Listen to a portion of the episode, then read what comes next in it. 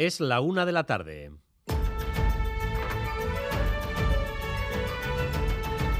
Crónica de Euskadi con Dani Álvarez.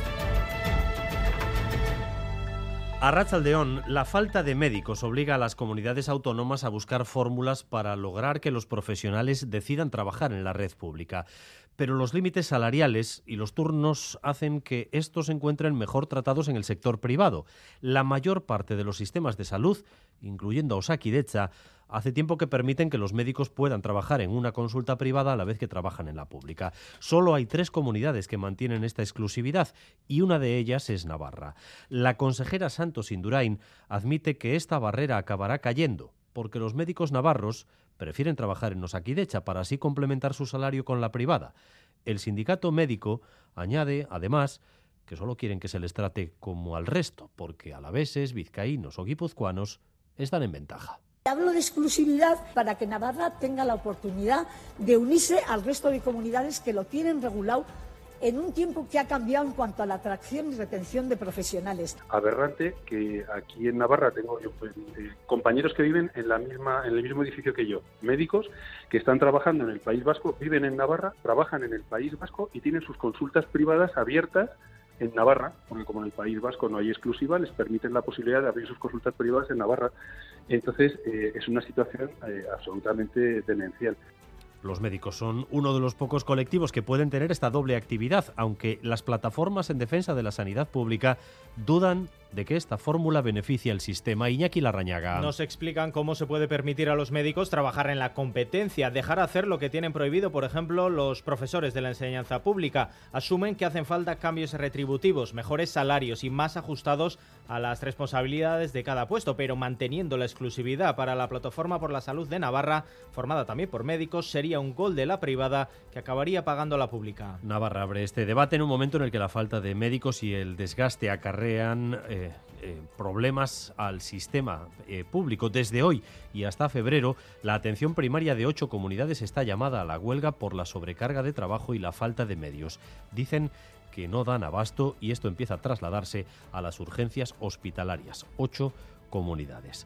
Además, la reforma de los delitos de malversación y sedición implica que sobre Puigdemont ya no pesa la euroorden de sedición, aquella euroorden que ningún país europeo quiso activar. ¿En qué situación queda Puigdemont y Sarobaza? Pues ante la modificación del Código Penal, el juez Pablo Llarena entiende que los hechos por los que se le investiga a Carlas Puigdemont no encajan en el nuevo delito de desórdenes públicos. Por tanto, deroga sobre el expresidente el delito de sedición, pero mantiene su procesamiento por malversación y desobediencia. Llarena elimina también las euroórdenes por sedición, pero mantiene orden de busca y captura sobre el expresidente por malversación y desobediencia. No dicta, sin embargo, nuevas euroórdenes a la espera de las resoluciones de la justicia europea sobre la inmunidad parlamentaria. El Supremo ha dado un plazo de ocho días a las acusaciones y a las defensas para que realicen las acusaciones que consideren. El gobierno de Pedro Sánchez cree que esto entra dentro de lo esperado tras la reforma del Código Penal, pero es evidente que el Partido Popular tiene más munición para atacar en su flanco favorito, el de que Sánchez aprueba leyes para beneficiar a sus socios Marlasca y Ayuso respetar, hay que decir, las resoluciones judiciales. Y las resoluciones judiciales son las que deben cumplirse en sus términos. Ahora ya se están devolviendo los primeros favores y veremos cosas que nos helará la sangre a lo largo de estos meses. Y de aquí a poco ya está el camino hecho hacia la independencia ilegal de Cataluña.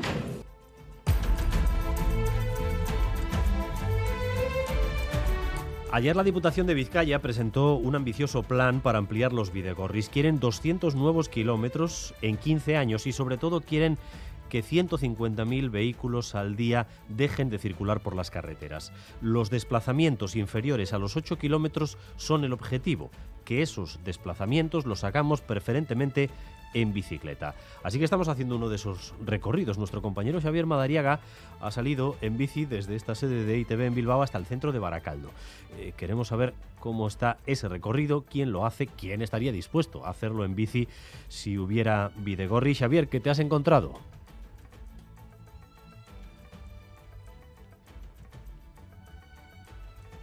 Mala señal que no nos responda, pero esperamos eh, que lo haga dentro de unos minutos. Y premio Macunde para la asociación Onguis por haber incluido a los hombres en la misión de la igualdad. José Luis Fonseca. Onguitz Elkartea por su trabajo en la sensibilización con grupos de hombres y en el empoderamiento con grupos de mujeres, un trabajo de dos décadas en aras de sensibilizar, concienciar y formar para la igualdad de cara a superar el sistema patriarcal y el sexismo y buscar una sociedad justa e igualitaria. Y este jueves se cumplen cinco años de la muerte de Joshan Arce, poeta, escritor, chalapartari, autor de las letras de algunas de las canciones más célebres de Miquel Laboa, como por ejemplo Choría Chorí. Como cada año en torno a esta fecha, en Usurbil, su localidad natal, organizan actividades para recordar su trayectoria y su obra. En esta ocasión estrenan un audiovisual sobre su primer libro, Isturitzetik Tolosan Barru más que un libro, se considera una obra de arte que supuso un hito en la historia de la literatura. Este audiovisual repasa todo el proceso de creación de la obra con testimonios de quienes participaron en él, un trabajo que ha realizado Iñaki Urruzola. ez dago berezia dituela liburu horrek. Oso visuala da, forma eta, bueno, apain duraldetikan euskarri oso diferenteak ere eskaintzen ditu, artelan bat bezala ulertu izan zen bere momentuan, ez da. E, agortu zen argitaratu eta bere ala, ez da.